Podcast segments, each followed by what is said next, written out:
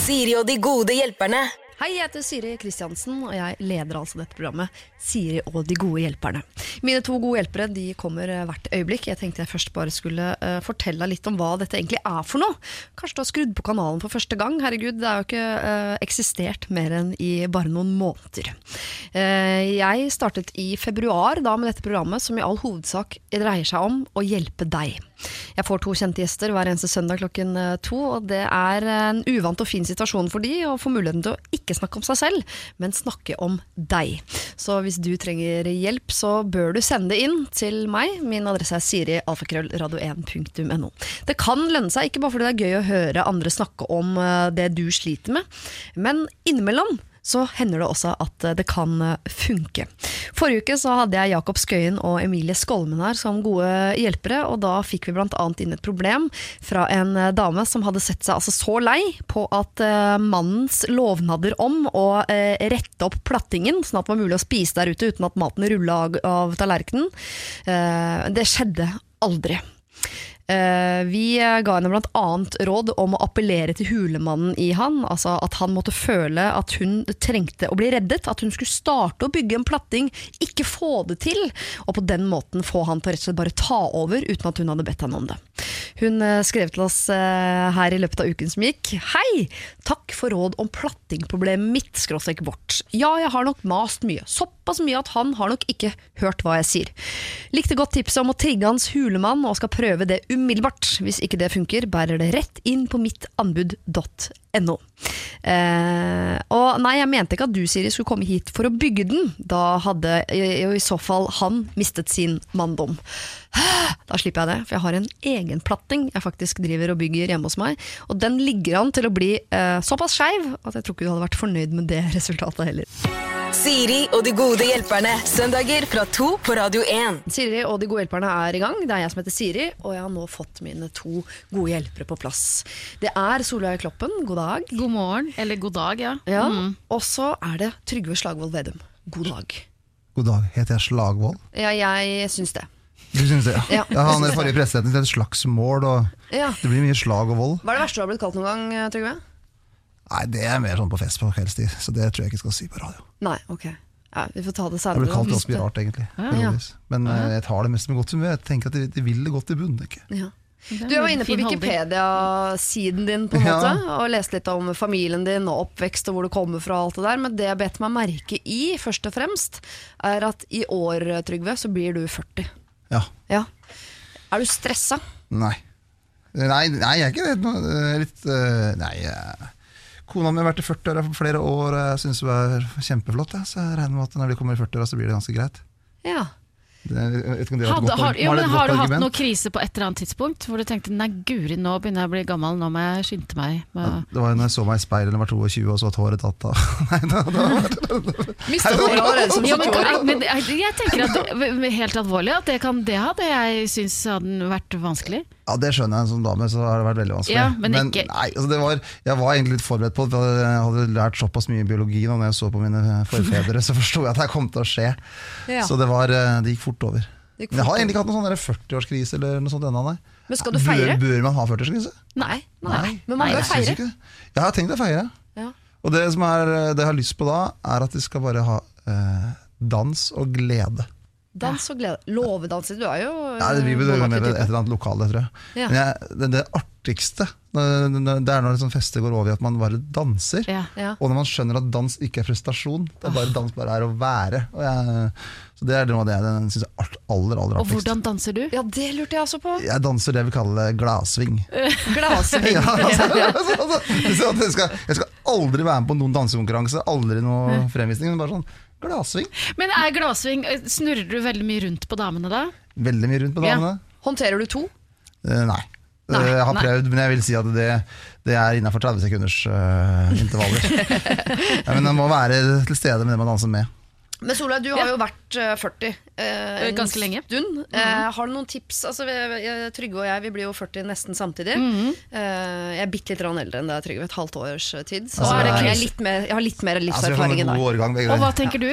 Nei, eh, Jeg gleder meg veldig til å feire. Jeg skal ha litt sånn eh, lik fest som Trygve. Mm. Vi kunne nesten slått oss eh, sammen. Men eh, har du noen tips til oss uh, ungfoler? Ja. Fra rullatoren bort til hjørnet der. Er det hardt? Eh, nei, bare altså Ikke vær Nå kommer jo forfallet, det er helt sant at eh, nå begynner forfallet. Men så må man bare liksom omfavne det, tenker jeg sånn. Uh, uh, ja, se på det mer sånn sånn Jøss, nei, men gubber, skulle rumpa bli så slapp, ja. Det, ja, det Entertainment. ja. Hva gjør du der nede?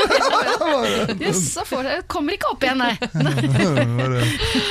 Ah, det høres litt deilig ut, da kan man virkelig slappe av. Sånn, det er et men- forfall, det er ikke noe vits å kjempe Men så kjenner jeg at det er litt godt å ikke være 23 lenger òg. Ja. Godt å oh, ja. leve litt og blitt mer avslappa. Ja, det er deilig det.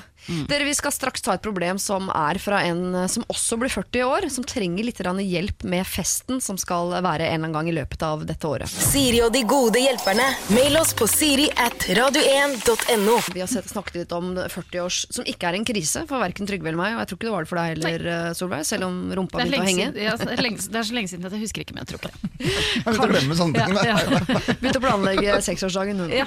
sånn er det. Dere, Vi skal hjelpe til å planlegge en 40-årsdag, fordi det er en som har sendt inn her. Hjelp, jeg blir 40 år i år. Jeg er ikke veldig stressa på det, men jeg blir litt stressa med tanke på feiringen. Jeg elsker en fest, men i min familie er det en slags tradisjon at man også inviterer familie i store lag. Altså at man blander familie og venner.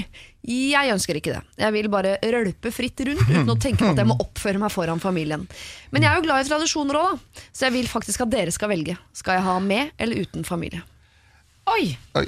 Har du tenkt på Jeg kan spørre deg først, Solveig. Hadde Ja. du familie i ditt 40-årslag? Eh, ja, men bare den yngre generasjon. Altså ikke, ikke mor og svigers. Bare som kusiner og søsken og sånn? Ja, egentlig Ja. bare søsken, da. Egentlig bare Ja, søsken, ja. ja. Ja.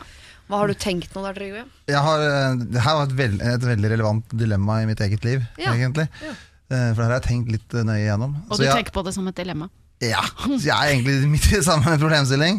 Så egentlig så bør jeg høre på de gode hjelperne uh, for å gi meg råd. Men det jeg har tenkt, det er å ha Jeg har tenkt et kompromiss, da. Ja. Så jeg har tenkt at uh, den voksne delen, uh, den eldre delen for uketrykket skal få være med i starten. Og så har jeg sagt at de må bare Hvis de vil, så kan de bare være der. Eller så får de tusle etter hvert. For det er sånn som Mora mi, som jeg er kjempeglad i, hun, hvis det blir for mye hæla i taket, så tror jeg hun kommer til å synes det er så vanskelig. Og da vil jeg synes det er vanskelig. Så det har jeg sagt til min mor, da, at da må jeg bare rusle ut. Ja, Når hun begynner å synes det er vanskelig? Så er det bedre at hun går, men jeg skal ikke si at hun skal gå. Men det jeg tenkt at jeg inviterte invitert i starten, men så er jeg bare forberedt på dem på at det kommer til å bli en klassisk fest.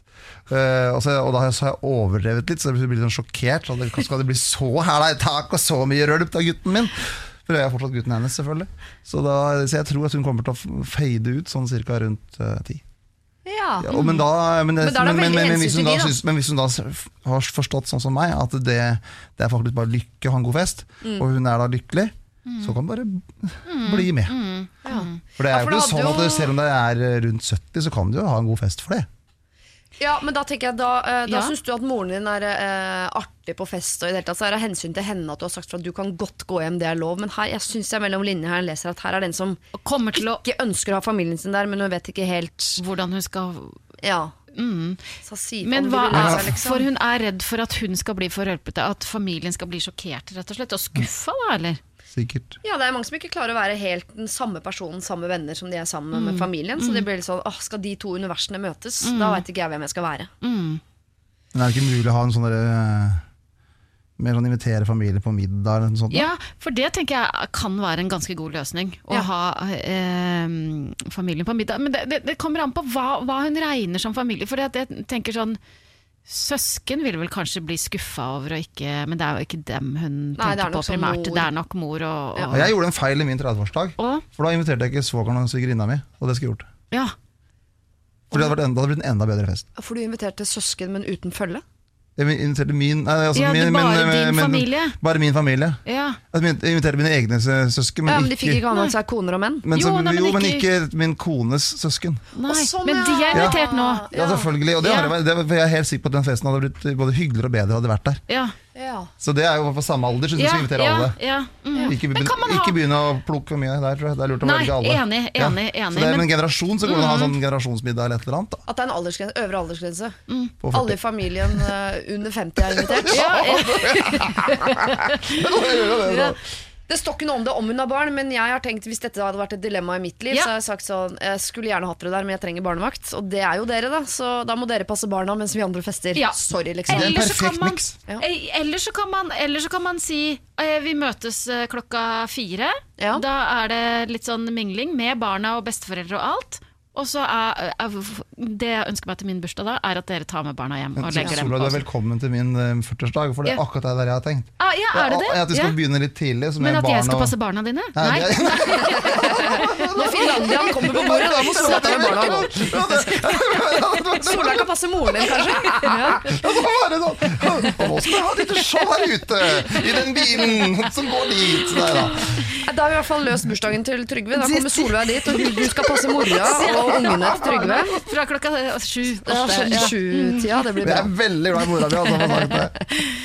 Eh, Til eh, deg da som har sendt inn med eller uten familie, der har vi inngått et kompromiss. Du har med familien på starten, og så sender du det hjem en eller annen gang før klokka ti. Altså Når spriten kommer på bordet, da må de gamle hjem. Ja, ha en og eller med annen regel på det. Og ta med seg barna hvis det er barn der. Ta med dere barna når spriten kommer på bordet. Ja. Gjerne litt før. Siri og de gode hjelperne. Og i dag så uh, har jeg med meg to gode hjelpere. Det er deg, eh, Solveig, programleder og komiker. Komiker. Nei, du var det. Ja, det er 20, akkurat, ganske nøyaktig 20 år siden. Det ble Det var veldig kjedelig. Var det Bare det som- noen få måter. ja. Men du er jo, man sier jo komiker om alle som er morsomme. Jeg kunne sagt om deg òg. Trygve, du er en slags Ja. komiker, så jeg er på stortingskomiker. Men, stortingskomiker, fra La han styre landet! jo, men man kan løse mye med humor. Det, Det kan man. Ja, ja. Du skal få lov til å være med og styre landet i dag også, Trygve. Det skal du også, Solveig. For vi hjelper jo folk mer sånn på individsnivå, da. Ja, bra. Uh, og her er det et, uh, Jeg har klart også å fiske fram et bondeproblem. eh, som jeg regner med at noen vil føle seg hjemme i, kanskje. Det er Kristin som skriver. Hei, jeg er født og oppvokst på en gård på Vestlandet. Vi har flere hundre sauer, og familien min har i generasjoner levd av bl.a. kjøtta. Nå har jeg møtt en mann som jeg klikker med på alle plan, bortsett fra ett. Han er veggis. Og ikke bare veggis, han er også pelsmotstander. Født og oppvokst på asfalten, dere skjønner hva jeg mener. Dette har jeg ikke fortalt hjemme, men han skal bli med meg hjem i løpet av sommeren og besøke familien. Bør jeg advare dem på forhånd? Eller, eh, eller skal han få fortelle det selv? Og så spør hun også om kan jeg, som mulig arving av gårdsdriften, i det hele tatt være sammen med vegetarianer? Lurer Kristin på. Oh, Jeg har vært landbruksminister i Norge, ja. og min Ikke skryt. Nei, men min politiske var- rådgiver, hun var vegetarianer. Oi! Eh, Hun fikk sparken, eller? Var hun det? ja, hun var det. Hun er det fortsatt, faktisk. Og hun er sekretariatsleder nå på Stortinget for Senterpartiet. Ja. Eh, og den som er eh, rådgiveren for vår eh, landbrukspolitiske talsperson hun, nå, det er en annen en, hun er også vegetarianer. Sier du det? Oi. Så det går an. For går at den an. norske bondesjela er en traust folkeferd. Så jeg, så jeg, tror, Ja. jeg, jeg tror til vedkommende da, Snakk med mora di først. ja. For mødre er litt mer rause på sånne ting enn Ja, fedre. ja. Og så at hun slipper å Det er veldig vondt å si, ikke si fra i forkant, for hvis du har lagd stor middag, og så det første vedkommende gjør, er å si nei takk til den flotte mm. Unnskyld, har du soyapølse? Bare, å, get Ja, the det- fuck det er out, hadde jeg tenkt da. Da mener jeg du gjør en veldig Da hører du det, det er slemt både mot mora di og kjæresten din. Ja, for det blir flaut for setter du en mor flau. òg. Ja. Ja, for da har vi Ja. stått og rørt i gryta i timevis. Det er jo å ryke fire lam oppi den gryta. Ja, og da er det veldig dårlig gjort overfor begge å tvinge vedkommende til å si nei. Men det som er men, har, men sånn som hun som var min politiske rådgiver, hun var vegetarianer, men hun var litt sånn senterpartist. Så hun var litt sånn pragmatisk, hvis hun skjønte det ble for ja. For ubehagelig? Ja, for eller- hun var jo ja. vegetarianer av sånn ikke Ikke at hun eh, ja, personlig overbevisning. Så synd på dyra, eller Nei, prøvde å redde planeten? Eller? Men, ok. men det var likevel sånn at hvis hun skjønte at nå ble situasjonen så vanskelig at det bare ble krøll, ja. så, hun, så kunne hun gjøre et unntak. Da spiste hun bacon, liksom. Ja. Ja. Sier du det, ja. Det er egentlig litt, det er egentlig litt sympatisk, for det, det er også en god leveregel. Hvis du har et prinsipp, så er det noen ganger det likevel lurt å Man justere litt. Ja. Ja. Fordi da kan ting gli litt. Så det kan jo være at uh, vegetarianerkjæresten også kan tenke ja, litt pragmatisk. hvis- Hvis, hvis- hvis, hvis, hvis de- hvis den er typen, og det må du også huske på, hvis han aldri er typen til å fravike et eneste prinsipp, så må du tenke deg om en gang til. Må Det, det her var litt fælt. Unnskyld, Jo, jo, nei, men eh, det er helt riktig. ja. Folk som ikke kan inngå et kompromiss. Ja. Ja. Altså, er, gjennom kompromisser verden går videre. ja, du trenger ikke å tygge kjøttet, men du må i hvert fall svelge det. Altså, Ja. på en eller annen måte. Og svelge det rett ned. Og så hadde jeg vært vedkommende, så hadde jeg ikke tatt opp det med pelsdyr i samme smellen. Nei, litt ta en det. Ja, og, ting hvis, om og hvis da svigerfar da litt på kvelden da tar opp det, så sier de ja, da, da er det lov å være rund. Jo, men pelsdyr, men er det noe vanskelig når de holder på med saua? Nei, men Det kan sikkert være en sånn markør. Ja. Ja. ja, ok. Ja, for, eh, altså, Ja, men ikke gå dit. Og hvis man i tillegg, og elsker ulv overalt på jord, mm. så vil jeg si et råd. Ikke, også der, vær litt rund, litt romslig. Vent litt med det. Ja, og se Ja. den der hos. Ja. Ja. Altså, altså si, til, si fra til mor om at uh, min kjæreste er vegetarianer, og si fra til vegetarianere om at uh, dropp den pelsdyrpraten. Ja. Den tar vi Og etter etter at Kristin har snakket med sin mor, og mor sier 'hæ', og, og så og blir hvit i ansiktet, så kan hun gå tilbake til kjæresten og si Kunne, 'kan du gjøre et unntak'? Ja, litt, Er det da. det vi sier? Ja, og, og, og, og så typisk det er noen naboer som kommer, har du smakt på den kjøttet her før? Ja, Eller altså, ja. Bare ta noen liten bit. Ja, for altså, det er klart at ja. hvis, hvis han kjæresten til Kristin alltid må spise kjøtt eh, når han kommer til gården, fordi han er en sånn som kan eh, ikke er så prinsippfast, da. Jo, men jeg Det- tenker det, det, det, Det er gjør litt dårlig gjort over tid. Ja, Men fisk, da? Hvis den er eh, det- Servere sauebønder fisk, det nekter jeg. Vestlandet, så. Ja, ja, kanskje. Jeg tenker at hele kompromisset må gå på sånn Ok, eh, det er fårikål, liksom. 300 dager i året her på gården. ja. Eh, jeg er kjempeglad i kål, så det går fint. Så At jeg har ligget og bada sammen med noen får Og oppi den den gryta. Det deilige får gå. sausen til Ja. lammesteiken som du bare knuser poteten i. Ja. Det går fint. Det må gå Det går fint. fint. Ja. Men og dere har ikke noe problem med å se for dere at disse kan ha en, eh, et fint og langt liv sammen? For det er jo noe med at man Nei, men- skal kose seg, gå på restaurant, kose seg hjemme, og så ja, må men- du alltid ta det hensynet til han soyamannen. Ja, Ja, men, men så Hun som er rådgiver hos oss, mannen hennes, han han er kjøttprodusent. er det sant? Ja. Oi! Men- Storfekjøtt. Men du og disse vegetarianerne, mm, eh, når vi etter hvert bare skal spise gresshopper og sånn, eh, sånne ting Ja, da blir det et surt liv. ja, for, Men kommer de til Er det Jeg spiser vegetarianere gresshopper. Ja. jeg, jeg sier ikke så mange som gjør det, men noen sikkert. ja, ja. For det er jo kjøtt, det òg. Ja. Det er jo ikke en plante. Sånn, så vidt jeg vet. Ser, ser sånn ut. Prøver så godt de kan, men har ikke fått det til helt. Pinnedyr er jævla Ja, ja. De er veldig nærme. Ok, så uh, Kristin, uh, du kan være sammen vegetarianer. Det går helt fint. Forbered din mor på at han er det, og la han, uh, eller be han om å legge pelsmotstanderdebatten hjemme. Ja, Ja, kan jeg bare skyte inn en ting? Hvis det er sånn at familien til Kristin spiser kjøtt hver eneste dag Ja. eh, hele året, så burde de kanskje Kanskje de kan lære noe av kjæresten til Kristin, da, for det er jo ikke bra. Det Nei, vet vi jo. Det er ikke bra. Nei, Verken for kropp eller med, miljø. Nei. Ja. Altså, de kan lære av hverandre, men uh, ta det uh, baby steps. ja. Ikke liksom dur inn med alt samtidig. Det kan bli litt mye å svelge. Siri og de gode hjelperne. Du hører på Siri og de gode hjelperne her på Radio 1, og vi har tenkt oss til Slottsfjell i år. Altså 19. juli så kan eh, du få oppleve meg, som i seg selv er en gavepakke til verden, og mine gode hjelpere som skal prøve å løse da dine problemer. Med oss har vi med oss Norges beste improteater, det andre teatret, som skal eh, spille ut problemene dine, og eventuelt de løsningene som måtte dukke opp underveis. Hvis du vil vinne billetter til dette, så må du sende inn et eh, problem til sirialfakrøllradio1.no. Marker det med Slottsfjell i emnefeltet, så kan du også stikke av med to billetter. Siri og de gode hjelperne. Mail oss på siri at radio1.no. Solveig og Trygve, vi skal eh, hjelpe en som heter eh, Sandra, som i utgangspunktet har gjort noe som er litt ulovlig, men eh, her er det andre som har gjort noe som kanskje er mer ulovlig. Hei, Siri og de gode hjelperne. Dere kan kalle meg Sandra. For omtrent to år siden så hadde jeg et elev-lærer-forhold til en, la oss kalle han Kai. Kai og jeg hadde god tone, og jeg merket etter hvert at han likte meg litt ekstra godt. Og jeg som den naive 18-åringen jeg var, syntes dette var stas. Han var vel å merke ti år eldre enn meg, men kjekk og morsom. Han var interessert i livet mitt og brukte etter hvert mer tid enn nødvendig på meg. Dette var fra min posisjon gunstig, da jeg fikk lære mer over kortere tid. Jeg følte meg litt slibrig, som spilte med og latet kanskje litt som om jeg hadde stor interesse tilbake, fordi det var til min fordel. Vårt lærer-elev-forhold tok slutt, men jeg fikk fortsatt meldinger av han på sene lørdagskvelder. Og I begynnelsen svarte jeg, eh, da det var kort tid siden vårt forhold tok slutt. Så det ville være rart om jeg plutselig ikke svarte. Nå eh, har jeg jo fadet han stille ut eh, over et års tid, men plutselig her om dagen la han meg til på Snapchat.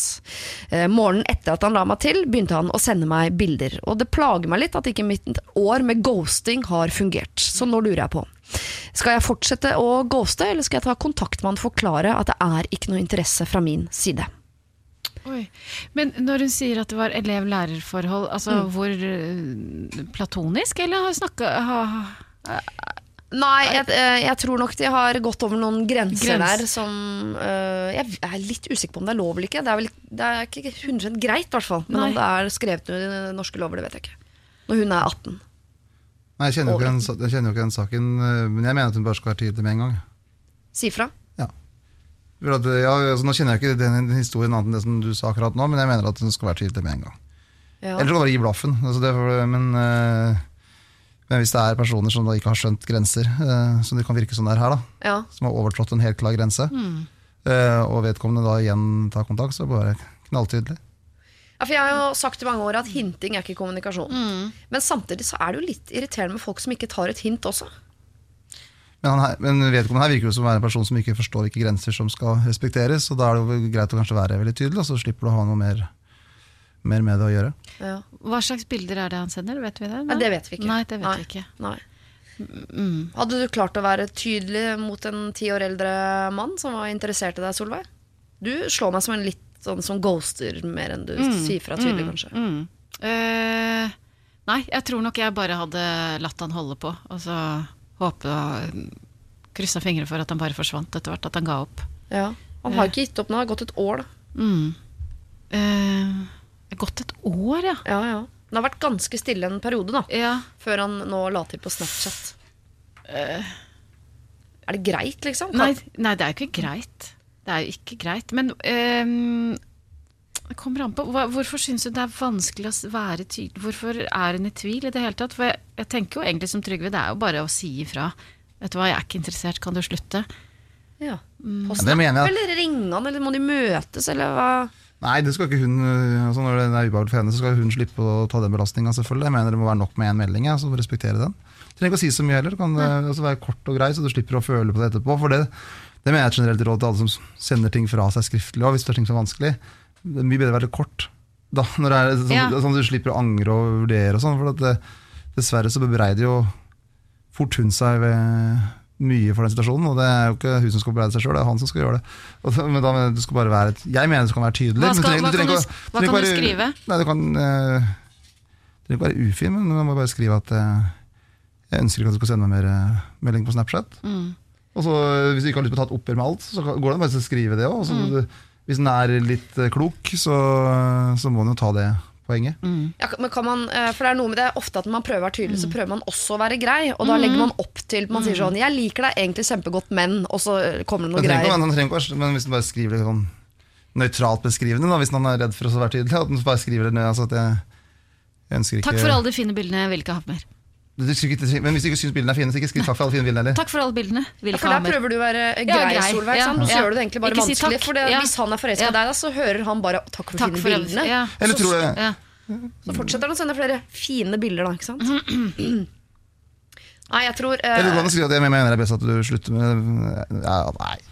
Men kan hun, rapport, kan hun ta en uh, U-sving her? Gå rundt han over til Altså gå rett til rektor? Eller er det slemt?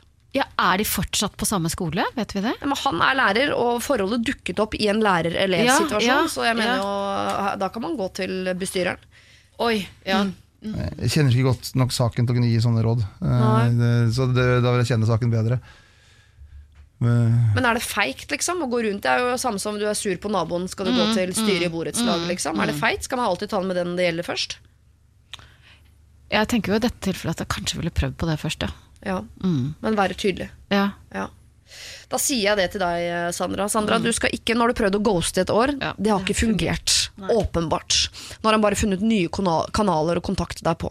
Så da må du være eh, veldig tydelig. Du trenger ikke å møte han, trenger ikke å ta det face to face. Du kan sende en melding hvor det står eh, veldig nøytralt og veldig tydelig at du er ikke interessert i videre kontakt. Og ikke legge på noe sånn Solveig-kompliment sånn 'Jeg elsker bildene dine, men' og ikke noe, ikke noe sånt. Ikke gi han noen forhåpninger, sånn som du holdt på i starten. Bare vær tydelig. Jeg ønsker ikke mer kontakt. Siri og de gode hjelperne. Søndager fra to på Radio 1. Eh, vi skal hjelpe et par. Lilly og Erik heter de. De har sendt inn problemet sammen. Du ser er veldig søtt. Mm -hmm. Lilly og Erik er kjærester. For å forklare vårt problem må vi gå tilbake til våren 2017. På den tiden var Erik sammen med en annen dame. Vi var alle i samme vennegjeng. På sensommeren ble det slutt mellom Erik og dama, og litt uventet gikk det mye rykter i vennegjengen om at det var jeg som var årsaken til bruddet. Så bruker hun ganske lang tid i mailen sin på å forklare at det var ingenting mellom de, de var bare venner. Ingenting, så hun forstår ikke ryktet om at hun var årsaken til bruddet. Høsten kommer, og Erik og jeg fortsetter å holde kontakten, og mot jul begynte det å dukke opp romantiske følelser mellom oss. Og etter hvert som tiden gikk da, så velger de to å satse på kjærligheten og finner ut at de er en perfekt match, og har vært sammen siden. Vennene våre er klar over at vi i dag fortsatt er venner, men ingen vet om vårt forhold. Så vårt spørsmål til dere er, hvordan skal vi gå fram for å fortelle det til dem? Kommer jeg til å bli beskyldt for at bruddet på nytt, eh, eh, altså at disse ryktene eh, som dukket opp på den tiden, er sanne? Og hva kommer de til å tenke når de får høre at vi faktisk er sammen?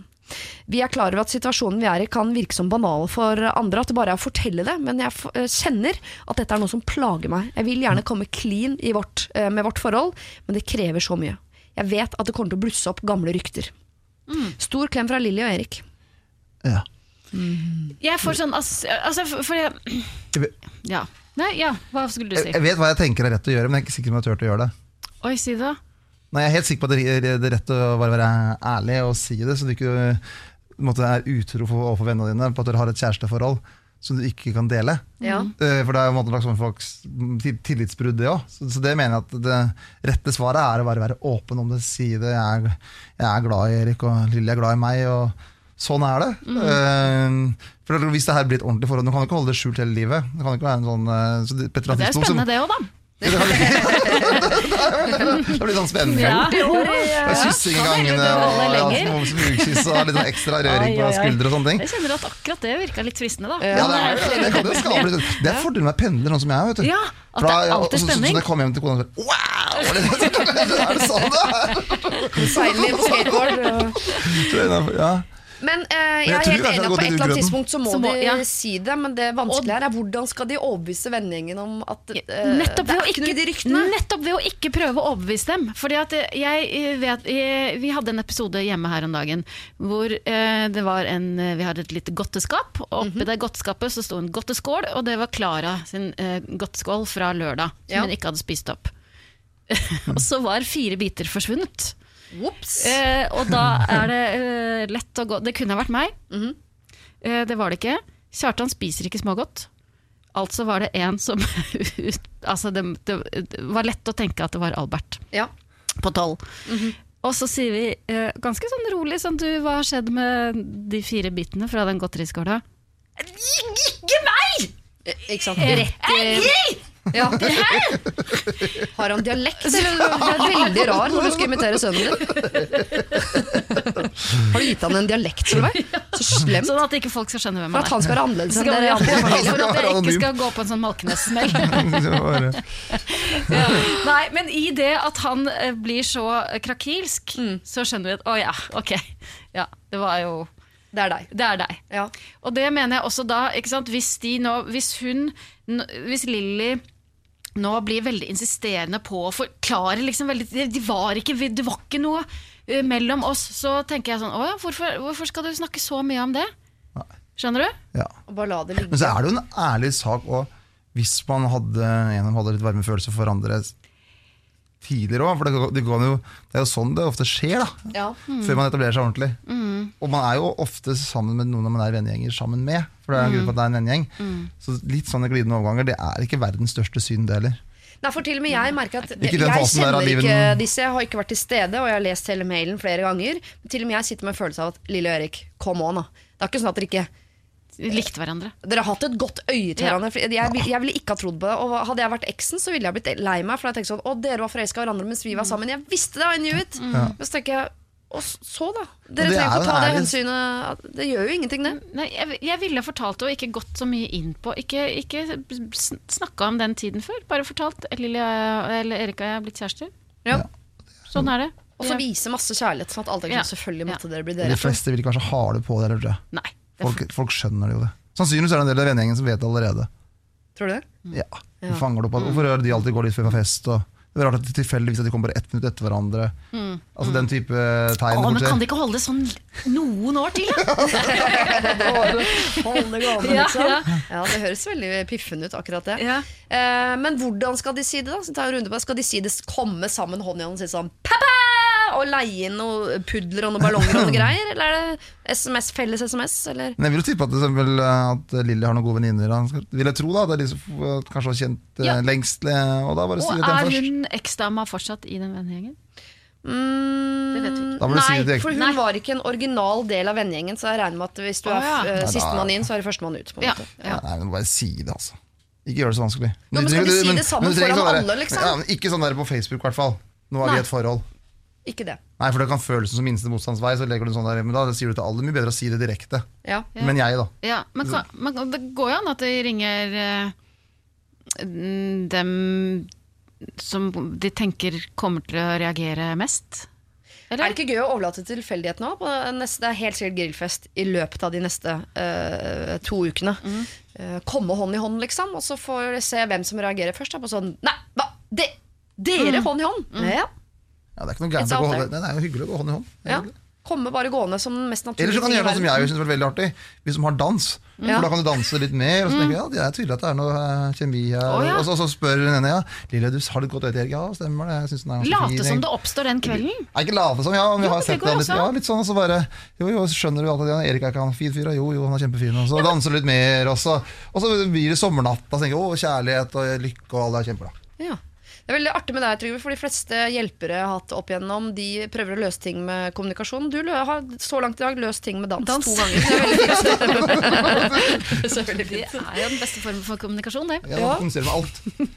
Eh, Lilly og Erik, her kan dere altså danse dere ut av problemet. Det er jo deilig, da. For man er jo lei av å prate om alt mulig hele tida. Så her har man altså muligheten til å danse seg ut av et problem. Eller rett og slett bare dukke opp hånd i hånd. Eller, altså, dere må bare si det. Og dere må være forberedt på at det blir noe rykter i begynnelsen. Men etter hvert, når folk er lei av et rykte, ja, så begynner de å slenge rykter om noe annet. Og da er dere home free. Siri og de gode hjelperne. Mail oss på siri at radio1.no. Du hører altså på eh, Siri og de gode hjelperne her på Radio eh, 1. Og eh, jeg skal lufte en teori jeg har med deg. Og det er at problemer er best å snakke om i bil.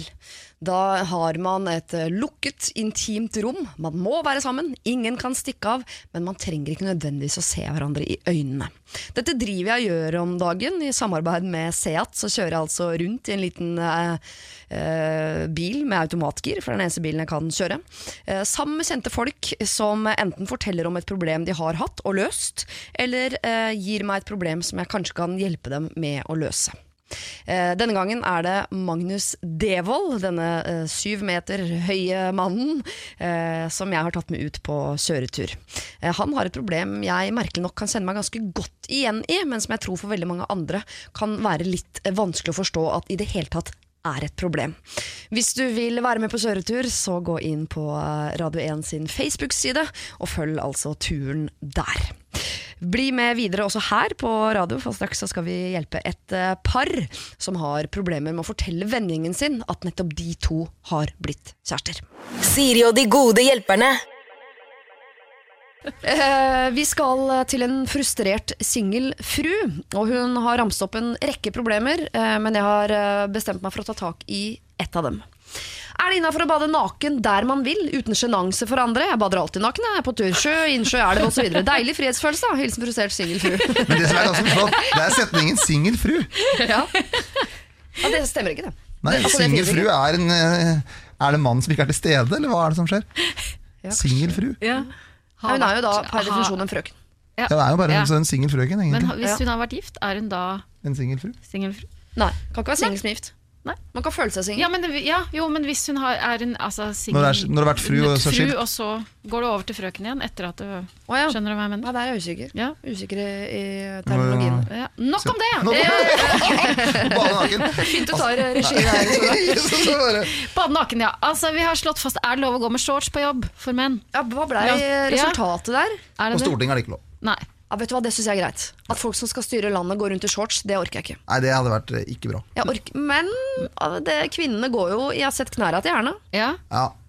Ja, Ja. Det er litt mer liberalt når det gjelder eh, kjole og Fordi man, har, rart? fordi man har penere legger? Er det, der, er det derfor? Nei, Sånne type krav har jeg ennå- ikke sett i Ja, men hvorfor? Ja, men, men, Nei, jeg vet ikke, det er tradisjonen, da. Altså, ja, men det er, er jo litt snodig, er det ikke? For Vanligvis er jo kvinnen mer tildekket enn mannen, så jeg skulle tro at det var mer greit med shorts enn Ja, og da må egentlig. det jo være leggene det er noe gærent med. Nei, men, det, men en kjole er jo bare å pynte seg. Men sånn at det er shorts, Ja, det men hvis man jo har en pen shorts, så man klipper av en dressbukse og legger den opp ja, Nei, Nå er høres jeg Ja, erkekonservativ ut. det. Men jeg er liksom sånn der, jeg syns olabuksa i stortingssalen er stygt. jeg. Ja, ok. Så jeg Ja. er litt på det nivået. Jeg, Ja, er jeg kan like Torbjørn Røe Isaksen i en god olabukse og tweedjakke. jeg, Altså. Jo, det kan jeg Mm. ha, men ikke sånn når den er liksom, som statsråd på Slottet og, og i Stortinget og sånn. Så er det, at vi, går litt sånn, det, det som gjør at jeg er så konservativ på det, det er at vi går inn i noen roller, og de beslutningene vi tar, betyr veldig, kan bety veldig mye for enkeltpersoner. Mm. For, Ja. mm, Og da syns jeg det er greit, akkurat som politiet Jeg hadde syntes det var veldig rart hvis politiet som alltid gikk rundt i shorts og så, altså, De har en uniform og har en rolle. Og, og det er litt ja, sånn for shorts signaliserer fritid. egentlig. Det gjør Det er det det gjør. Det Ja, er ikke leggene. Var det ikke på Fiji-øyene. Der gikk politimennene rundt med AG3 og hvitt skjørt. Ja. Altså, ja, skjørt. ja, ja. Meget spesielt. Det Ja. det var autoritært, men samtidig ikke. Jeg ble veldig i stuss over de greiene der. Men du, fordi at hvis det det, hadde vært var, Skutt av en mann i hvitt miniskjørt, liksom. Da er det nedre. Men for hvis det hadde vært leggene det var noe gærent med, så kunne man jo barbert tenkt at ok, hvis du skal gå i shorts, så må du barbere dem. Ja, barbere leggene, men det er altså-. Ja. Ja, nei. Ok, nok om, nok om shorts. nok om shorts. Nakenbading Nakenbading uten sjenanse. Hvor eh, alle er enige om at det er deilig å bade naken. Ja. Ja. Men skal man ta hensyn til andre? Ja. Ja. Å ja. ja, ja. Ja, må jo det. Nei, la oss Ja. snakke mer om shorts, da. Men det, det, det, det, det det, er det mest komiske, det er det der når du skal ha på deg badebukse på øh, stranda, og vi står der med håndkle og ordner og styrer. Og da nesten tenker jeg, kan ikke bare, bare gjøre det, Ja, ferdig med ja. altså, når vi ser den der tissevanten i ti sekunder, så har det ingenting å si. Men jeg vet at jeg kan ikke mene det, da. Men allikevel, jeg synes noen ganger når vi står der og hopper rundt for å prøve å skifte, at det blir litt rart. Enig. Får du kona di til å holde håndkleet, eller klarer du det selv? Jeg klarer det sjøl, da. Ja. Ja. Ja, der er det deilig å være kvinne og bare ha på seg lang kjole og skifte under Ja. der. Som et Ja. eget Ja, sånn det er eh, genialt, det, mobiltelt. selvfølgelig. Ja. Men eh, hvis man føler seg sånn ganske alene Altså Man er ute og går tur i skogen, det er en innsjø Ja. der. Ja, Det, er det kan være noen som ser deg, men det er uflaks, liksom. Ja, da er det helt greit. Da er det greit. Ja, jeg mener jo det. Men da går det jo an, hvis det kommer noen, så går det jo an å bare liksom diskré. For du skal jo du skal ikke bade naken for å vise deg for andre, eventuelt, vil jeg tro. da Jeg vil tro det er for at du skal synes det er godt sjøl. Og hvis det da kommer noen, så går det an å diskré liksom bare finne håndkle og Ja. ikke gjøre så mye ut av det. Men uh, vi hadde diskusjon i helgen, for da var vi på telttur uh, og hadde padla ut til en eh, veldig liten øde øy. Ja. Bare vi fire i familien. Altså mann og to barn på ni og tolv år. Og da, og da tenker jeg åh, nå kan jeg bade naken. Men da viser det seg at det syns de nå er i overkant. Ja, de vil ikke se mora si naken. Nei, Nei. rett og slett. Det syns jeg er veldig tidlig, da, og litt trist, rett og slett. Men, eh, men da Og så er det sånn, skal, hvor, mye, hvor insisterende skal jeg da være? Eh, Ja, det synes jeg også er vanskelig. Hvor insisterende Ja. skal man være på Ja, at det er naturlig å være er naken? sånn og samfunnet familie, nå er ja. enig med at det er ikke så naturlig å være naken i alle mulige sammenhenger, Mm. selvfølgelig. Eh, ja. Men her tenker jeg at eh, noe hensyn skal man ta, og noen regler er det vel også. Hadde dette spørsmålet kommet inn fra en frustrert singel herremann som lurte på om man kunne sprade rundt naken, så hadde vi vært enda tydeligere på nei. Selvfølgelig Ja, for kan det er du jo blotting. ikke det. Det er blotting. ja, og det er det vel med kvinner òg, da. Er jo Ja, det, det Ja, sant? ja, så svaret er eh, du må ta hensyn. Må ta Ja. hensyn. Ja. Så er du alene midt ute i skogen, eh, eh, frustrerte singelfru, så for all del, eh, da skal du få lov til å bade naken, men ikke dra liksom på den lokale badestranda. Masse familier, barnefamilier, og hver hun eh, som tror at livet er eh, en tysk nudistby, liksom. Og sprad rundt, der må du ta litt hensyn. Det er faktisk heller ikke lov. Da er du per definisjon en blotter. Siri og de gode hjelperne. Eh, jeg hørte akkurat du fortalte Solveig at hvis ikke du skulle ha jobbet med den jobben nå, så kunne du tenkt deg å jobbe som bonde. Ja, jeg driver jo litt med det nå, da. Ja. For jeg synes Det som er det mest fascinerende med det, er jo det at du, du ikke blir så tett på naturen. Akkurat nå om dagen så er det litt krevende, for det er så utrolig varmt. Så at det jeg har sådd, dør. Ja. Uh, men, da, men jeg er jo privilegert, for jeg har vært, er bare deltidsbonde. Ja. Så det er ganske mange som nå har dyrka og stått på det siste måneden, som er litt bekymra om dagen. Det kommer du til å se hvis du kjører for eksempel bil fra Oslo til Gardermoen. Ja. Så ser du jordene utafor, så ser du at det er ganske dødt. I fjor var det jo motsatt problem. Da var det så mye regn at alt eh, drukna. Ja, altså, kan, så det er jo det som er Men jeg, det, jeg liker jo Nå er jeg litt sånn i overskuddsposisjon for så vidt, for jeg har jo lønn fra Stortinget og sånn, så derfor er jeg ikke helt det er ikke sånn på helt Har krise. ikke bønder også litt lønn fra Stortinget, strengt talt? Ja, du har litt støtte, da. Ja. men, men det er ganske krevende å være bonde. Men det som er fantastisk med det, er nettopp at du følger årstiden, følger naturen. Du, du kan, du, altså, så er kjempefint, for når du da har sådd, og så ser du der fine jorder kommer, og høster. Så det, hvis du er glad i natur, så er det å dyrke mat en veldig fin ting. Men For det er det man gjør, han dyrker mat. Og, Ja, ja. og det er jo en, så det er en veldig meningsfull ting å gjøre. Men du kan ikke være så glad i å slappe av. Jeg føler at bønder jobber hele tiden, gjør de ikke det? De står opp klokka fem og legger seg klokka Det er mye, hardt arbeid, men så, er det også, men så er det også mye kan være mye frihet òg, hvis du ikke har for mye gjeld. Da. For Det er det som er litt utfordring, at det er så store investeringer. Men hvis du ikke har for mye gjeld, så kan du også ha en del frihet. Da. For eksempel på vinteren, at du kan ta deg en skitur midt på dagen. For. Kjenn på det her sjøl. Hva kunne det, det sapt på Solveig hvis du skulle gjort noe helt annet? bonde. Bonde. en skitur, men det er Ja. den skituren midt på dagen. Ok, Da har vi to potensielle bønder her som skal eh, hjelpe deg. Så hvis du har et problem, så send det inn. Sier alfakrøllradio1.no. Nå skal vi hjelpe en som heter Mia, som er bekymret for broren sin.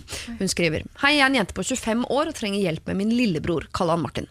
Han er 22, bor hos mor og far, har ikke fullført videregående, jobber som ringhjelp på SFO. Dette betyr at han jobber ca. to til seks timer i uka. Han har ingen interesse av å ta opp fag, han, eh, som har mangel fra videregående, og bryr seg heller ikke om å finne en jobb med mer arbeidstid. Dette er jevnlig tema, og vi har prøvd alt. Han er sjukt flink til å finne på alt av duppeditter med ledninger og PC og elektronikk, og kunne virkelig gjort det bra innen det fagfeltet. Problemet er at studiet her er vanskelig å komme inn på, og broren min er ikke noe skolelys. Han gidder ikke ta opp fag han treng, eh, som han trenger for å søke. Så hva gjør jeg da? Skal jeg bare la han fortsette på denne måten til han blir en 40 år gammel tulling som bor hjemme hos mor og far med en inntekt på 6000 i måneden? Og hva når de går bort? Skal han liksom flytte inn hos meg da? Og min framtidige mann, fordi han ikke klarer å forsørge seg sjøl? Hjelp! Alle råd mottas med stor takk. Kall meg Mia. Dette er jo ikke Mias ansvar, men som god storesøster så føler hun på at hun vil hjelpe sin lillebror. Åh, jeg kjenner at det klør, liksom. Nei, det er vanskelig. Ja. Det er veldig, jeg liker jo veldig godt at Mia kjenner på det, selv om jeg håper ikke hun liksom blir spist opp av det. Men som du sier, det er jo ikke hennes ansvar. Det er jo eh, først og fremst hans ansvar, da. Men, Ja. men oss, og så i neste rekke foreldrene. Mm. Vil jeg tenke at eh, De kan jo begynne å kreve f.eks. at han betaler for seg hjemme. Det kan man jo gjøre når man er 22 år. Ja.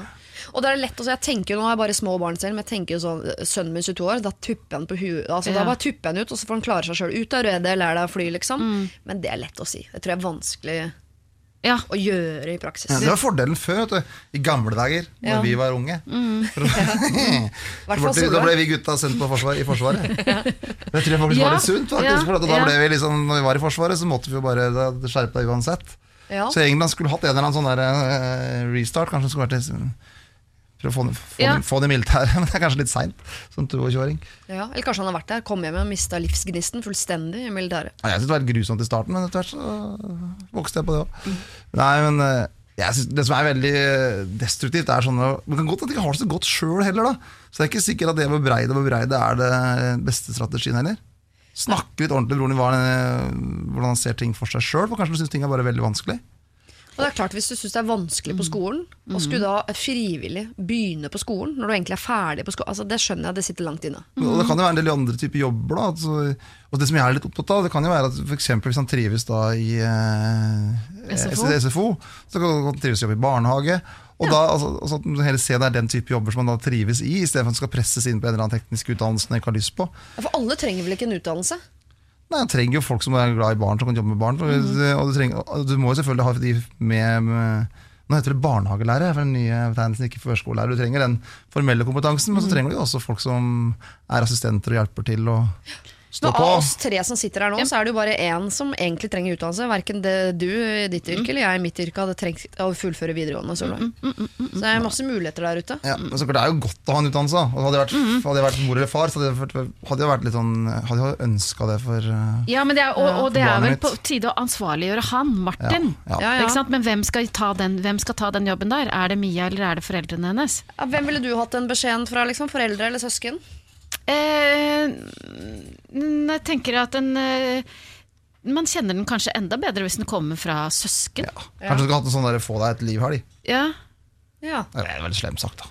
Få deg et livhelg. Det høres Ja, altså ut som et bare, nå, nå, arrangement på nå, gutten Nordfjell. min, nå, skal Liksom. du, nå skal vi på hyttetur. Det er du som skal sørge for at vi har med oss mat. Det er du som skal lage maten. Det er du som skal fyre opp. Nå skal du jammen vise at du er mer enn 17, nei, 15, 14, 12, 11, 10, 9. Du er ikke en liten guttunge. Men Det kan jo hende han er trassig også på sånn Åh, nå maser dere veldig på at jeg skal bli elektriker, for jeg er så innmari god til å skru på PC-en, liksom. Ja. Men Ja. Uh, slapp av. Det kan hende at han på et eller annet tidspunkt bare tar tak i ting sjøl. Kanskje han har en ønske om å bli et eller annet de ikke aner at han har lyst til å bli. Kanskje han har lyst til å bli keramiker. Ja, men da må han mm, ta et tak, da. Da må han bli keramiker. Da må han gjøre noe for å bli keramiker. Nå Ja. høres det ut som han bare sitter hjemme og Glad Men han har ikke så gammel, Ja. barn, han har ikke noen sånn gammel barndomsvenninne som, han- som han ser veldig opp til. For de var de som hadde størst autoritet i mitt liv Når jeg var sånn rundt 20. Ja. Det var den jenta som jeg syntes var det flotteste på ungdomsskolen. Hvis hun sa noe, så hørte jeg veldig etter. Ja. Mm. Den, jenta, den, den, jenta, den, den jenta du aldri fikk på ungdomsskolen. Oh, ja. ja.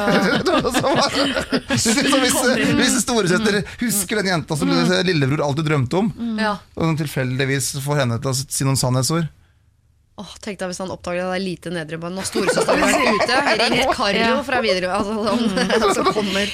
Men altså, på en måte så tenker jeg at ok, så kan man snakke med han og si sånn du, nå må du, du, nå må du skjerpe deg, nå må du gjøre et eller annet. Men det som virkelig, altså det er jo foreldrene som sitter med S i ermet her. Altså de kan jo si hvis du skal fortsette å bo her, så må du betale for deg. Ja Men så vil jeg si en ting. Ja. Unnskyld, nå avbryter jeg deg. Nei, kom igjen. Det er én ting du må huske om uh, menn. Ja. Det er at når de blir pressa, og når vi snakker om det, så snakker Ja. de mindre og mindre. Det er et generelt problem for alle par. Ja. At man glemmer at mannen går inn i seg sjøl. Hvis, hvis du kommer igjen og sier nå må vi snakke om det her, Ja.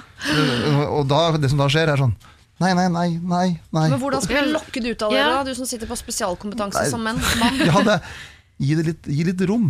Litt rom. Ja, ofte, og, og det tror jeg sånn kan Lirke det ut. Lirke litt. Og så kanskje at den kan, når dere skal snakke om det, gå eller gjøre noe praktisk samtidig. Ja, eller et eller annet. det tror jeg, ja. For å føle at man gjør et eller annet. For det er bare jeg, da, ting. Kanskje det er litt sånn fordomsfullt det noen sier, men jeg, men jeg tror det er litt sånn at det å presse menn for mye inn i et hjørne, så de er ikke så flinke til å snakke i utgangspunktet. Nei, Det ligger masse uh, god uh, kunnskap i fordommer. Vi skal ikke slutte å bruke fordommene nei. våre. Men da tror jeg vi går tilbake til den uh, helga som du nevnte i stad, Trygve, som kanskje var litt vel pretensiøs. Men ta med Mia, du har ikke noe ansvar. Ta med deg broren din på en helg eller på en gåtur eller på en kjøretur eller et eller annet.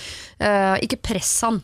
Men bare eh, ta han med, snakk litt om livet generelt. Hvordan går det, hva er det du liker, osv. Og, så og hvis det skal legges noe press her, så kan jo du legge press på foreldrene dine til at de skal legge et press på han i forhold til å ansvarliggjøre han, betale hjemme, osv.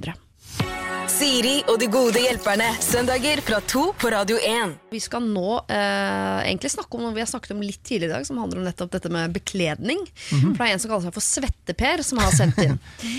Jeg vet ikke hvor jeg skal gjøre av meg om dagen. Det er rett og slett for varmt, og jeg sliter med enorme pads under armene til enhver tid. Jeg er sjef i en ganske stor bedrift, og jeg er pålagt å gå med dress til daglig. Men jeg føler meg altså så lite ovenpå når jeg har svetteringer som møter hverandre på brystet.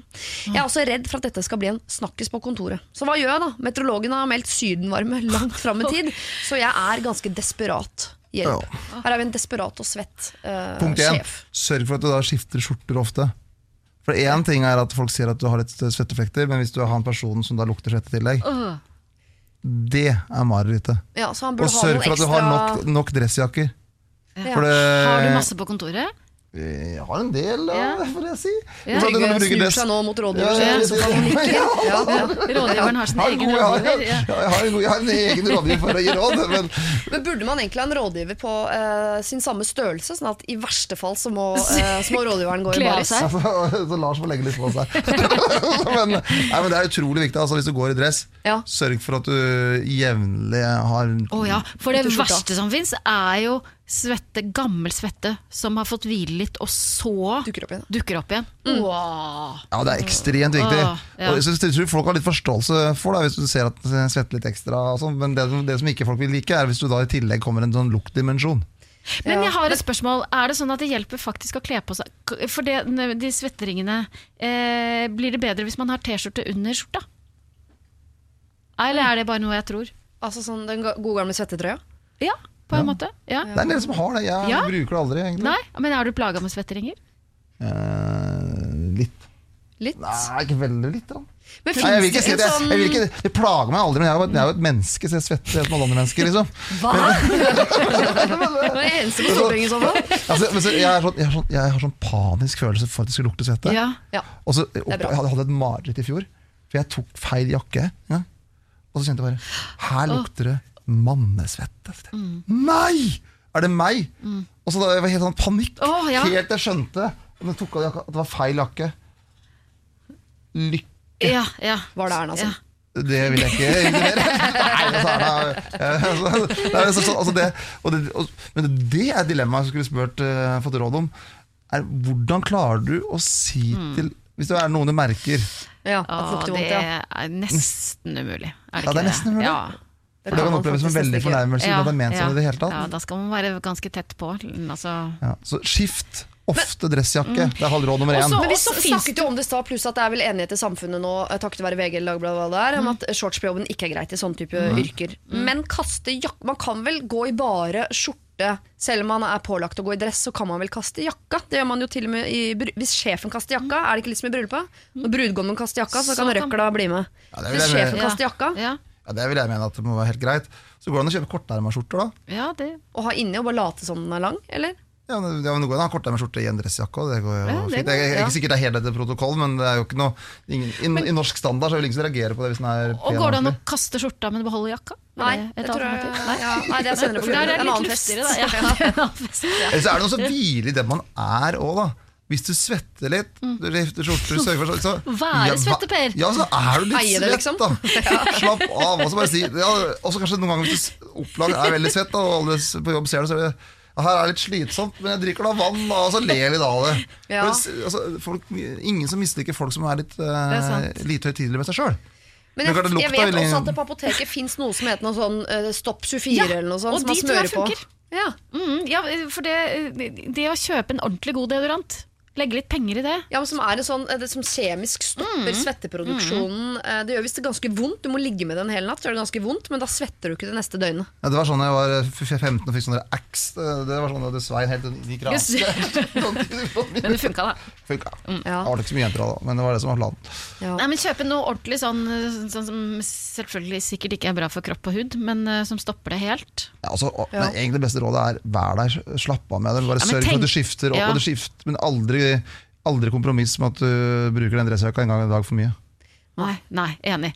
Men Og husk at lukta setter seg også i jakka, ikke bare i skjorta. Ja, Det ikke går igjennom. minst i jakka setter den seg, Ja. for de som glemmer det. mm, og med en gang du møter folk, skal du si hei. Å, nei, men Guri, se på meg. Herregud, som jeg svetter, da. Ja. Per heter jeg, forresten. Kall meg svetteper. Da ler alle. Nei, hyggelig av sjefen vår. Veldig hyggelig sjef. Per, du undertegner med Svette-Per. Det må du også gjøre i praksis når du treffer folk. Ha litt ironi på greiene. Kall deg for Svette-Per. Ha med ekstra skjorter, gjerne ekstra jakker. Se om du kan bruke en korterma skjorte under dressjakka. Se om kanskje du som sjef kan kaste jakka, se om de andre følger etter. Lag en ny eh, norm på det greiene der. Og så vil jeg også anbefale noe jeg gjør, som ikke dere vet om, Trygve og Solveig, for dere ser det ikke fordi vi sitter. Jeg tar av meg skoene når jeg sitter. Men da må er du du være på sikker på føttene, ja. så er du kald i resten av kroppen. Men da burde du ikke gått rundt med de skoene hele dagen, for da kan det bli krisestemning rundt møtebordet. Oh, ja. Det har jeg gjort en gang, faktisk. Ja. Ja, Det var så ekstremt svett. Og så jeg hadde skor, og så tenkte jeg nå sniker jeg meg de her skoene under bordet. Og så sa de sånn Hva er det, som, hva er det det lukter her, da? Ja. Og tenkte jeg nei, pokker! Ja, jeg, jeg mer når du sitter alene på ditt eget kontor. Og for det lukter verre enn svette. Det er Ja, faktisk. faktisk. Men når du er alene på kontoret ditt, så kan du ta deg på beina. Men når du går ut og treffer folk, så tar du på uh, sokker og sko. Ja, Ja, men men når du sitter så, alene på- flere par sokker på jobb. Ja. Det går også an. For jeg, altså, du bare sørger for at hvis du kjenner at det der kan være litt, eh, litt svett, da, så bytter du på sokker. Det også skaper en renhetsfølelse. Og men når du sitter alene på kontoret, så kan du jo ta deg av alt da. Du kan Ja. du sitte naken, da. En nudistkontor. Med andre ord, du må duplisere eller kanskje triple garderoben din. Du må ha ekstra sokker, ekstra skjorte, ekstra øh, øh, jakke. Dette blir dyrt, øh, men det kommer til å hjelpe deg på sikt, Søteper. Siri og de gode hjelperne. Søndager fra to på Radio 1. tenkte jeg skulle spørre mine to gode hjelpere, Solveig Kloppen og Trygve Slagsvold Vedum, eh, om en liten ting før jeg leser neste problem.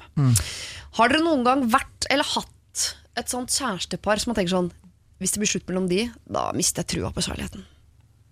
De der kommer til å være sammen for bestandig. Og så blir det slutt, og så skjønner man ingenting. Mm.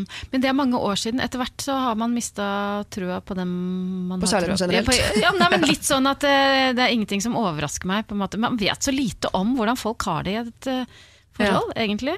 Ja. Men ja. Mm. Vi husker vel fra ungdomsåret det er sånn Er det Ja. slutt mellom Ja, Knut ja, ja. og Pia? Ja. Oh, de var jo ment hverandre, da. ja. Men man må tilbake dit, ja. Ja. Så det går over når man blir voksen. ja. Så Det er heldig trist. ved vennekretsen og i voksen alder så har det vært veldig få skilsmisser, og det, det er jeg glad for. Men er det ikke litt sånn når du først begynner Når ballen mm. begynner å rulle, så er det litt sånn Er det lov å skille seg nå? Ok, sign me up! Og så ryker hele bygda, på en måte. Det er mitt inntrykk, i hvert fall. Først noen begynner. Og da må vi ikke begynne. Kjære mine gode venner, ikke start med det.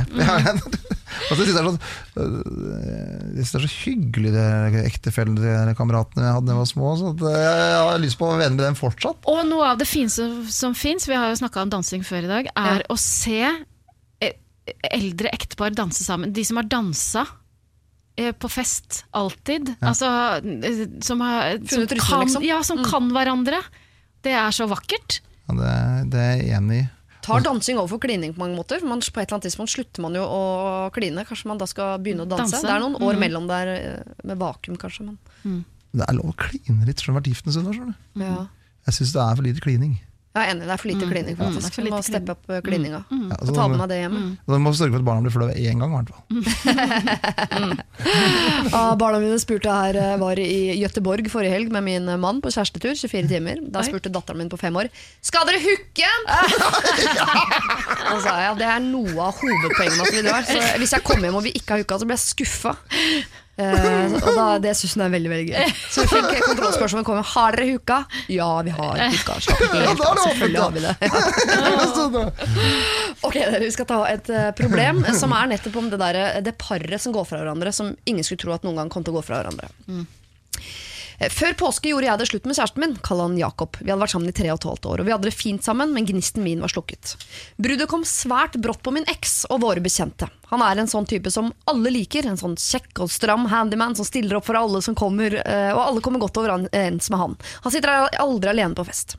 Min familie og min omgangskrets liker han svært godt, noe som gjorde det vanskelig for meg å fortelle om problemene jeg opplevde. Folk trodde rett og slett ikke på at vi hadde problemer. Jeg tvilte på forholdet vårt i nærmere et år før jeg det i hele tatt gjorde slutt, og jeg har skjønt etter bruddet at eh, jeg var fullstendig ferdig med fyren. Jeg og eksen var aldri kjærester på Facebook, noe som har gjort bruddet vårt usynlig for omverdenen. Jeg har måttet fortelle hver og en av mine bekjente at jo, det er slutt, og alle blir like sjokkert. Så tok det ikke mer enn fire-fem uker da, før jeg møtte en ny fyr. Kall han Amund. Og vi har data over en måned nå, ting er supert. Forelskelsen gryr, og denne gangen føles det litt mer down to earth. Og ekte. Jeg bor ganske dyrt nå, og Amund nevnte her om dagen at jeg kunne flytte inn hos han. Og etter å ha tenkt litt på det, så kjenner jeg at det er jeg ikke fremmed for.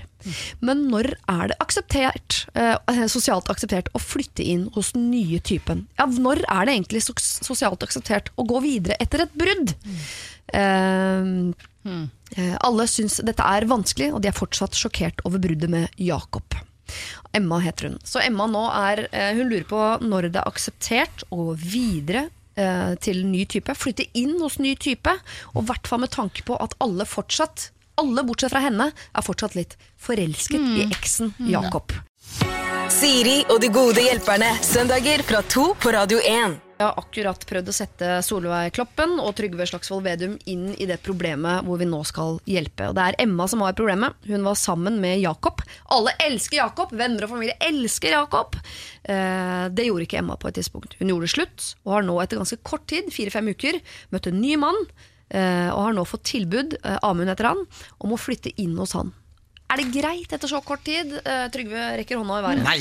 Nei! nei! For du hadde ett argument der som gjorde at jeg ville si nei. Og det var at du sa at det var så dyrt. Ja, At det var så dyrt den leiligheten hun hadde. ja. Og hvis det er et argument for å flytte sammen med en fyr, så mener jeg at du skal heller ta en ekstravakt. For det er bedre å gi det litt tid. Fordi Man skal flytte sammen av romantiske grunner og ikke økonomiske. Ja, det er, sånn der, det er veldig sånn klart når det er Jeg vet ikke hvor gammel hun her er, men når du er i 20-åra, så har du ikke alltid så mye penger. Men det er, når det er stormforelska alle, det er en fantastisk følelse, og alt er lykke, alt er glede, og du, du bare lar deg dra med. Mm. Eh, Men gi det litt tid før du flytter sammen. Da er det bedre å ha en, det jeg vil kalle en glidende overgang, at man fortsatt har den leiligheten sin med frihet, og heller er mye sammen i praksis. det, men det, da handler det ikke om hvordan andre eh, folk ser på Ja, det. det da handler om handler det om henne. Ja. Mm. Ja, da er det hensyn til At- kjærligheten ja. videre, at man Ja. skal Ja, spare litt litt. Mm. Ja, for det er dere som tenker økonomisk at man skal flytte sammen før, for da sparer han de 13 000 eller et eller annet. Da.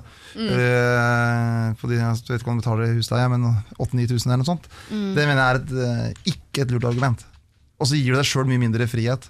Ja. Så la det heller eh, bo, bo mer sammen i praksis, men at du fortsatt har din egen lille base, for det gir deg sjøl større frihet.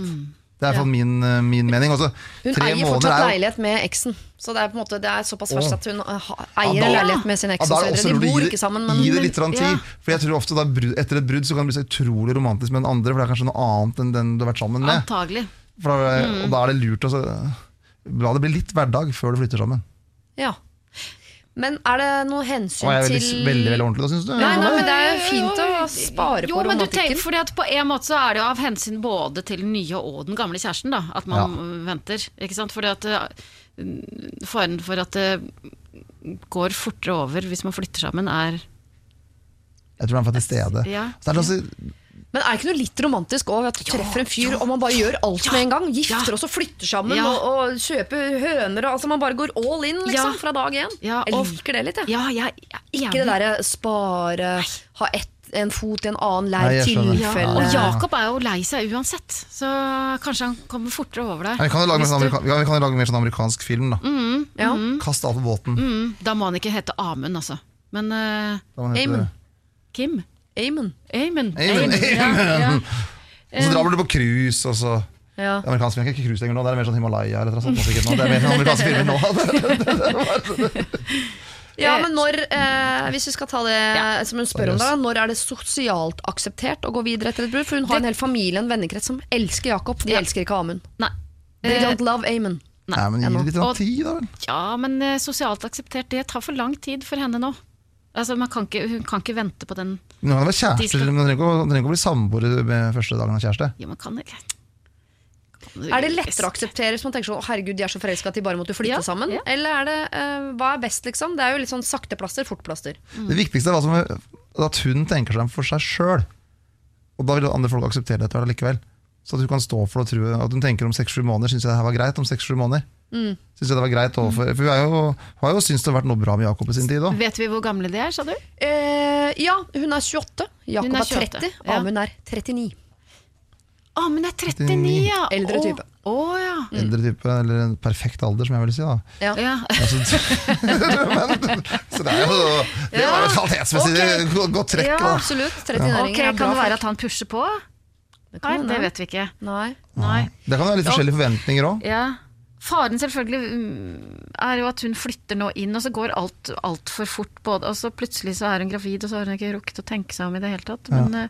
Ja. Øh, og nei, for nå var jeg tilbøyelig til å si nei, men kom igjen, da, bare hopp i det, prøv det. Ikke vent på at de andre skal nikke anerkjennende. Men, Men eh, skal hun ta hensyn til Jakobs kjærlighetssorg? Ja. Jeg bare lurer på, Er det bedre for Jakob at de venter, eller er det bedre for han at eller, Har ikke det noe å si? Altså det er lang, vond kjærlighetssorg? Eller kort Ja, men må jo være, må jo være der, men, men eh, ja. Å nei, jeg syns Nei, det det var ikke. vanskelig, jeg synes det var vanskelig rett og slett. Eh, en del av meg tenker ja, hun må jo ta hensyn til han stakkars Jakob, men samtidig så kanskje man eh, Hun har jo vært ferdig med han et år, så hun syns det er lenge siden hun har følt seg For han så var, hadde, var de sammen i går. Ja, Ja. Ja, da er det jo klart, når det er et år, siden- når det er et år til det er slutt, så må jo hun få lov til å leve sitt eget liv. Ja, Nå er det bare fire-fem uker, da. Det er bare fire-fem Men hun har liksom vært ferdig med han mentalt Ja, sånn, det siste ja. året mens de Ja. var sammen. Og sånn er det så jo. brutalt. Ja. Ja, og det er så brutalt. Men nå er det jo, nå er det jo, so nå er det jo sommer, og da er det på ferie uansett. Så du må la det gå, la det gå litt til, i hvert fall. Ja, Vent til over sommeren, liksom. Ja, så er det litt sånn hvis du, Også overfor han Jakob og overfor foreldre og alle mulige. Og for det er så mange sier at det her er så forhasta, og det er kanskje det gjør at uh, Amund, som du da har lyst på å leve sammen med, kanskje, da, for alt jeg vet, eh, da får han en litt sånn minuspoeng i starten. Ja. Og Det er ikke noe vits å gi han noen minuspoeng, du vil jo gi en plusspoeng. Ja. For det syns jo han er en fantastisk mm. type. Samtidig for Jacobs del så kan det jo hende at det bare er bra at hun hopper i noe annet. Da er det så definitivt det bruddet at han går ikke rundt i hele sommer og tenker å kanskje vi finner tilbake til hverandre. At da er det sånn, Men kjærlighetssorg okay, er vondt Å, det er så vondt. Ja. Vet du, jeg lurer på om vi sier at nå er det sommer. Ja. Mm. Tenk litt gjennom sommeren og dra på en ferie sammen. Se om du liker fyren 24 timer i døgnet. Kanskje han er forferdelig å våkne med. Dere har fortsatt sikkert ikke krangla. Kanskje han blir et monster. Kanskje han er grusom å krangle med. Altså, bli litt bedre kjent enn fire-fem uker. Ikke, bare sånn ny, ikke legg nyforelskelse og økonomi som eneste grunnlag for å flytte sammen. Nei. Vær litt mer trygg på hva du gjør. Kan jo leie ut leiligheten på Airbnb i sommer. Hun Ja. også, og så kan de, de bo i Prøvebo sammen. Ja, ja, prøvebo eller ja. Dra på ferie. synes- Dra på ferie til Ja. han i fire uker Ja. mens du leier ut Ja. leiligheten. Da er det én Ja. ting du skal se etter hos han Amund, Ja. og det er om han er raus. Ja, Ja. Hvis han er raus og lite selvhøytidelig, det er det viktigste. ja. Ja. Da kan han ha så mye svetteringer og alt som han bare vil. Ja, da kan han gå i shorts på Romslig, jobb. raus, Altså, ja. ja. mm, Det er det viktigste. Enig. enig. Emma, gi det litt tid. Gi det over sommeren. Prøv å bo litt hos han i sommer. Se om du liker han 24 timer i døgnet, eller dra på ferie sammen. Gi det litt tid nå. Ja, og ta hensyn til at Jakob har kjærlighetssorg. Han har ikke hatt det året du har hatt til å komme over han. Han har ikke kommet over deg. Det har bare gått fire-fem uker i hans liv. Så ta litt hensyn også til eksen der ute. Siri og de gode hjelperne. Du hører på Siri og de gode hjelperne her på Radio 1, hvor jeg i dag uh, slår følge med uh, Solveig Kloppen fra TV 2. Ikke lenger komiker, men fortsatt morsom, som hun pleier å si. Og Trygve Slagvold, Slagsvold Ja. Vedum, leder i Senterpartiet. Også morsom, men ikke komiker. Nei, så bra. Altså, du har jo en latter man har lyst til å uh, altså, ta med seg på boks og Ja, ha med inn i livet sitt. Det Har du er, solgt den? Har noen av barna arva den? ja, det, ja. Ja. Johanna. Er det sant? Ja, hun uh, syns jeg, da, i hvert fall. Ja. Øh, den er jo sånn Jeg vet ikke hva den den har vel beskrevet som en alpakka og alt mulig rart, den latteren. så Jeg vet ikke, men det er sånn det er. Ja, det? Ja. Det er ikke, det, er ikke det verste jeg blir forbundet med at den ler litt rart. fint. Og Har du arvet det fra mor eller far? Er det Far. de som, ja, han også ler sånn? Ja. Og lillesøster. Er det Ja. sant? Når vi er sammen, så er det sånn oh. så gøy. Nei, så bare, sånn er det. Og hva ler dere aller best av? Hvis dere er samla? Nei, det er liksom generelt god grunntone, egentlig. Ja. Ja, ja. jeg tror det. Kan vi være så snille å feire jul sammen? Ja. Bare ett år, liksom? Litt sånn Ja. annerledes jul? Og så faren min han er jo da fugleekspert. Ah, er det sant? Ja, så, ja. Så er det et overdrevet engasjement? Nei, eller vet du hva jeg skal, vet du hva jeg skal i kveld? Ut og se på fugler? Jeg skal med fuglesanggruppa mi ut i felt. Jeg har gått på fuglesangkurs i, i vinter. Ja, nå, nå slo Ja, da, 40-årskrisa. kan du også komme hjem til meg, for at vi har enormt med fuglekasser og Neimen. masse folk som kommer og ser på fugl hele tiden. Er det sant? Og faren min er entusiastisk eh, fuglehistorie hele tiden, og da så, ja, så det, det skaper god stemning hjemme hos oss. da Ja, Eh, For at og, det, og at vi klarer liksom å Noen ganger når han da har en komisk historie der, så blir det sånn godmodig stemning hjemme. Gi meg en god uh, sissik eller gjøk, da. ja, Eh, nei, men jeg, jeg lærer ikke å, å synge som en fugl. Å nei. Mm, nei. Dere synger til fuglene. For fuglene. Hvilken fugl er det som sier 1, 2, 3, 4, 5, 6, 7 Det er gulspurven. Det er gulspurven, altså. Her. Kai, kan du introdusere Solveig for far din, eller? Ja, ja, ja. Ja, ja, ja. Så koselig av dere. Han er meg sånn 40 år eldre og litt mer godt skjegg og litt mer mage. Så det er sånn jeg er 40 år sikkert. Nei, 40 år er ikke eldre, 30. Unnskyld, far. Eller unnskyld Solveig, for den saks skyld. Nei, ikke sånn. Nei, jeg var ikke sånn. Og du tenker sånn? Nei, nei, nei, nei, nei, snakker ut og tenker Altså, hele tiden. Ikke hørt på det var. VG hadde en veldig morsom sak, et portrettintervju med meg, og da hadde de funnet en artikkel som faren min har skrevet, som handla om innbilt svangerskap hos kjøttmeis. Nei, Ja, så det, nei guri! Så det fins altså noen som kan mye om sånne ting. Ja, jeg, altså, så jeg, får lyst til kunne. å møte faren din. Ja, Ja. det Det syns er jeg vi skal arrangere. åpent hus. Ja. Dere, Vi skal ikke for å trekke stemninga ned i gjørma på noen som helst måte, men uh, Turi her, stakkars, hun hater jobben sin. Åh, det må vi gjøre noe med. Ofte. Ja. Jeg er en kvinne på 30 år som rett og slett uh, hater jobben min. Kan meg Turi. Jeg jobber i et lite familieselskap hvor vi ikke er så mange ansatte. Uh, jeg har vært der i 6-7 år og trivdes veldig bra egentlig inntil for to år siden. Da har det seg nemlig slik at da begynte sønnen til sjefen å jobbe her. Eh, og eh, Det står mye om han. Han er bare eh, per definisjon en vanskelig fyr å jobbe med, og det syns alle. Det er ikke et alternativ at han slutter, da det nok er meningen at det er han som skal ta over firmaet i fremtiden. Jeg er nå blitt en arbeidstaker som teller ned timer til jeg kan gå hjem, og som gråter av fortvilelse når jeg kommer hjem. Og dette har selvfølgelig resultert i at jeg eh, nå de siste to årene har søkt på et tresifret antall jobber uten å få napp. Parallelt med dette prøver jeg og kjæresten å få barn, dette også uten hell, etter ett år med prøving. Problemet da blir at jeg er redd for å si opp en jobb jeg hater, i frykten for å bli stående gravid og arbeidsløs. da. En del av meg sier uh, herregud, slapp av, dette ordner seg. Livet er for kort til å hate hverdagen. Mens den andre delen sier du må være voksen, du må være ansvarlig, du må ha ny jobb før du sier opp. Hva syns dere jeg skal gjøre? Og uh, per, altså Det står her, det er ikke aktuelt å sette babyprosjektet på vent. Nei. Nei, det høres eh, bra ut. Hva Ja, gjør man? ikke si opp. Mener du det? Nei, jeg mener det. Det kommer an på hvor du bor og hvilket arbeidsmarked du er på vei inn i. Men eh, jeg ser sjøl på hvor enorme mengder søkere vi har på stillinger som vi lyser ut i partiet om dagen. Det er voldsomt, altså. Det er vanskelig å få seg jobb. Jeg tror det, altså, det, det framstår sånn i media på TV, sånn, alle får seg jobb, alle er bare lykke. Men, så, men når jeg ser de enorme søkermengdene vi har på en del jobber, Ja. så ser jeg at det der er ikke bare lett. Altså. Så det å si opp eh, først, Da bør du i hvert fall snakke med, snakke med sjefen du har nå. Da. For Ja. det kan godt at det er faren, eller hvis er han eller mora, Ser er det sjefen, samme. Ser det samme. Ja, for det, jeg tenker Det er jo ikke hun som er problemet, eller arbeidsoppgavene. Det er, det er jo rett og slett han sønnen til sjefen som er problemet. Ja. Kan vi begynne der? Er det Gjøre noe med han. Ja. Det, kan, det, kan, altså, det kan jo være at han vil endre seg litt, han òg, hvis uh, far eller mor eh, sn- Ja. snakker sammen Ja, med det skal han, sies med De har tatt opp mange ganger med far. ja. Han lover han skal gjøre noe, ingenting blir gjort. Å, så det ja. på en måte, hun har gitt opp det prosjektet litt. Å, grann, ja. at det Men går det an å skal- isolere han der sønnen? Altså, tenk, altså, når, han kommer og er dum og sur, og bare tenk han er en liten dustemygg. Altså mentaløvelse. Ja, ja, Hvis det er personer du blir veldig irritert på, så bare Har du, klarer du det? Har du gjort det? Nei, ikke helt. Nei. Men, uh, at, eh, men å slappe av med det. Ja. Jeg klarer nemlig det, men det som skjer da, når jeg klarer det der, jeg har gjort det mange ganger i livet, er at jeg blir ufyselig. For idet jeg begynner å se på andre mennesker som mygger, så Så- eh, er det jo jeg som er uh, den store slemme humla. Da, ikke sant? Det er ikke alltid helt heldig, det heller. Men, Men så, går det, an men så er det litt sånn hvis du har det det- klart Det må være grusomt hvis du går på jobb hver dag og har det kjett. da Men jeg tenker også klart Hvis det, det går ut over hele selvbildet, hele selvfølelsen og alt, ja. Så klart, så er jo ikke det et blivende sted i det hele tatt. Du er hater det åtte timer av livet ditt hver dag, i tillegg gråter du på kvelden. Da er blir, hun, jo- da blir hun jo ødelagt. syk. Så gjør det. ikke rart du ikke blir gravid. Nei. Nei. Men er det ikke noen som kan uh, Går det an å lage til noen mål for arbeidsdagen så sånn, så kan prøve noen nye teknikker for å få det litt lysere? eller noe sånt, da, Ja, for dere er helt imot at hun skal si For det er jo ofte Nei, sånn at man må si opp for å virkelig finne jobb. For da er det sånn, nå, nå må jeg finne jobb, så nå må jeg søke 24 timer i døgnet. Og vi vet ikke hva hun holder på med. Nei. Og det er jo, Norge er jo et land det er mulig å bo i uh, uten jobb også Ja en periode. Det er ikke sånn Men du kan få veldig sånn uro òg. Altså, sånn, uh, Ja. Jeg ville gjerne sagt altså, Igjen i denne drømmeverden Si opp, bare kom deg ut og du får ny jobb Men så er det akkurat den fasen når du skal få Hvis du, du har jo da oppriktig ønske om å få barn da.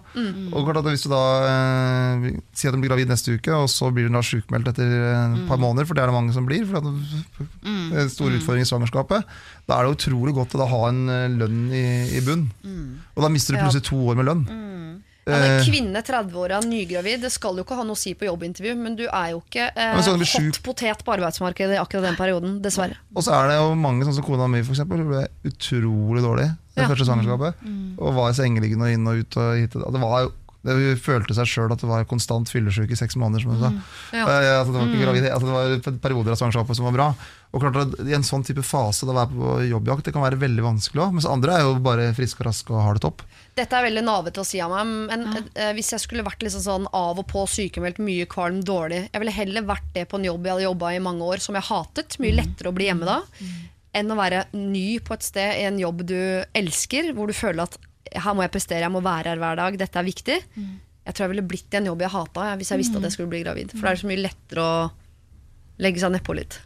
Ta seg en tredagers. Og så kan det være at det også ting endrer seg etter hvert med han altså hvis, hvis, han, øh, hvis faren har vært enig Hvis det er faren som er sjefen, da, Mhm. har vært enig i problemstillingen, så kan det være at uh, han prøver å jobbe med saken, han òg. Ja. Oppriktig. Og hva var det med han sønnen? Er Udugelig, eller bare Slitsom type. Slitsom type. Kan hun speile han? Kan hun være like slitsom tilbake? Ja. Nei. Eller er det jo Slitsomt så- så- så finnes Slitsomt å være slitsom. Og så er det for å finne seg noen teknikker, da. Ja. Jeg synes, I jobben min så er jo Vi har utrolig mye forskjellige typer folk. ja. Og det mm, Men Erna blir du ikke kvitt. Nei, hun er nei. Hun var naboen min nå, faktisk. en liten tid. Ja, Men hun er jo, så, Ja. hun er jo ordentlig dame, det, da, for all Ja. del. Selv om jeg er uenig med henne, så er hun en ordentlig dame. Jeg tror jeg skal si til, uh, si til deg, uh, kjære deg, jeg håper du får til graviditetsprosjektet. Uh, og du hadde sikkert ønsket at vi skulle si sånn Turi, si opp jobben! Lev i øyeblikket! Det ordner seg. Men her er vi en, eh, en gjeng som faktisk eh, er ganske enige om at du skal bli i den jobben du er i. Se om du kan finne noen teknikker for å overleve arbeidshverdagen i en periode. Eh, og jobb heller med det der fritidsprosjektet ditt som handler om å bli gravid. Eh, se om du kan se på han med et nytt blikk, liksom, at han ikke betyr noe for deg. Se om du kan bare bruke noen teknikker som gjør at han ikke klarer å ta opp så mye av mm. tankevirksomheten din, og holde ut i jobben litt lenger. Siri og de gode hjelperne. Før jeg lar Solveig Kloppen og Trygve Slagsvold Vedum gå hjem for i dag, så skal vi dele ut noen handlenett hvor det står 'Heia deg!' Hilsen Siri og de gode hjelperne her på Radio 1. Jeg skal sende ut til eh, deg som eh, skal feire 40-årslaget ditt i år, eh, men er usikker på om du skal ha med familien din eller ikke. Jeg skal også sende til deg, Kristin, som er bonde, eller fra bondeslekt, men har fått deg en kjæreste som er vegetarianer og pelsmotstander.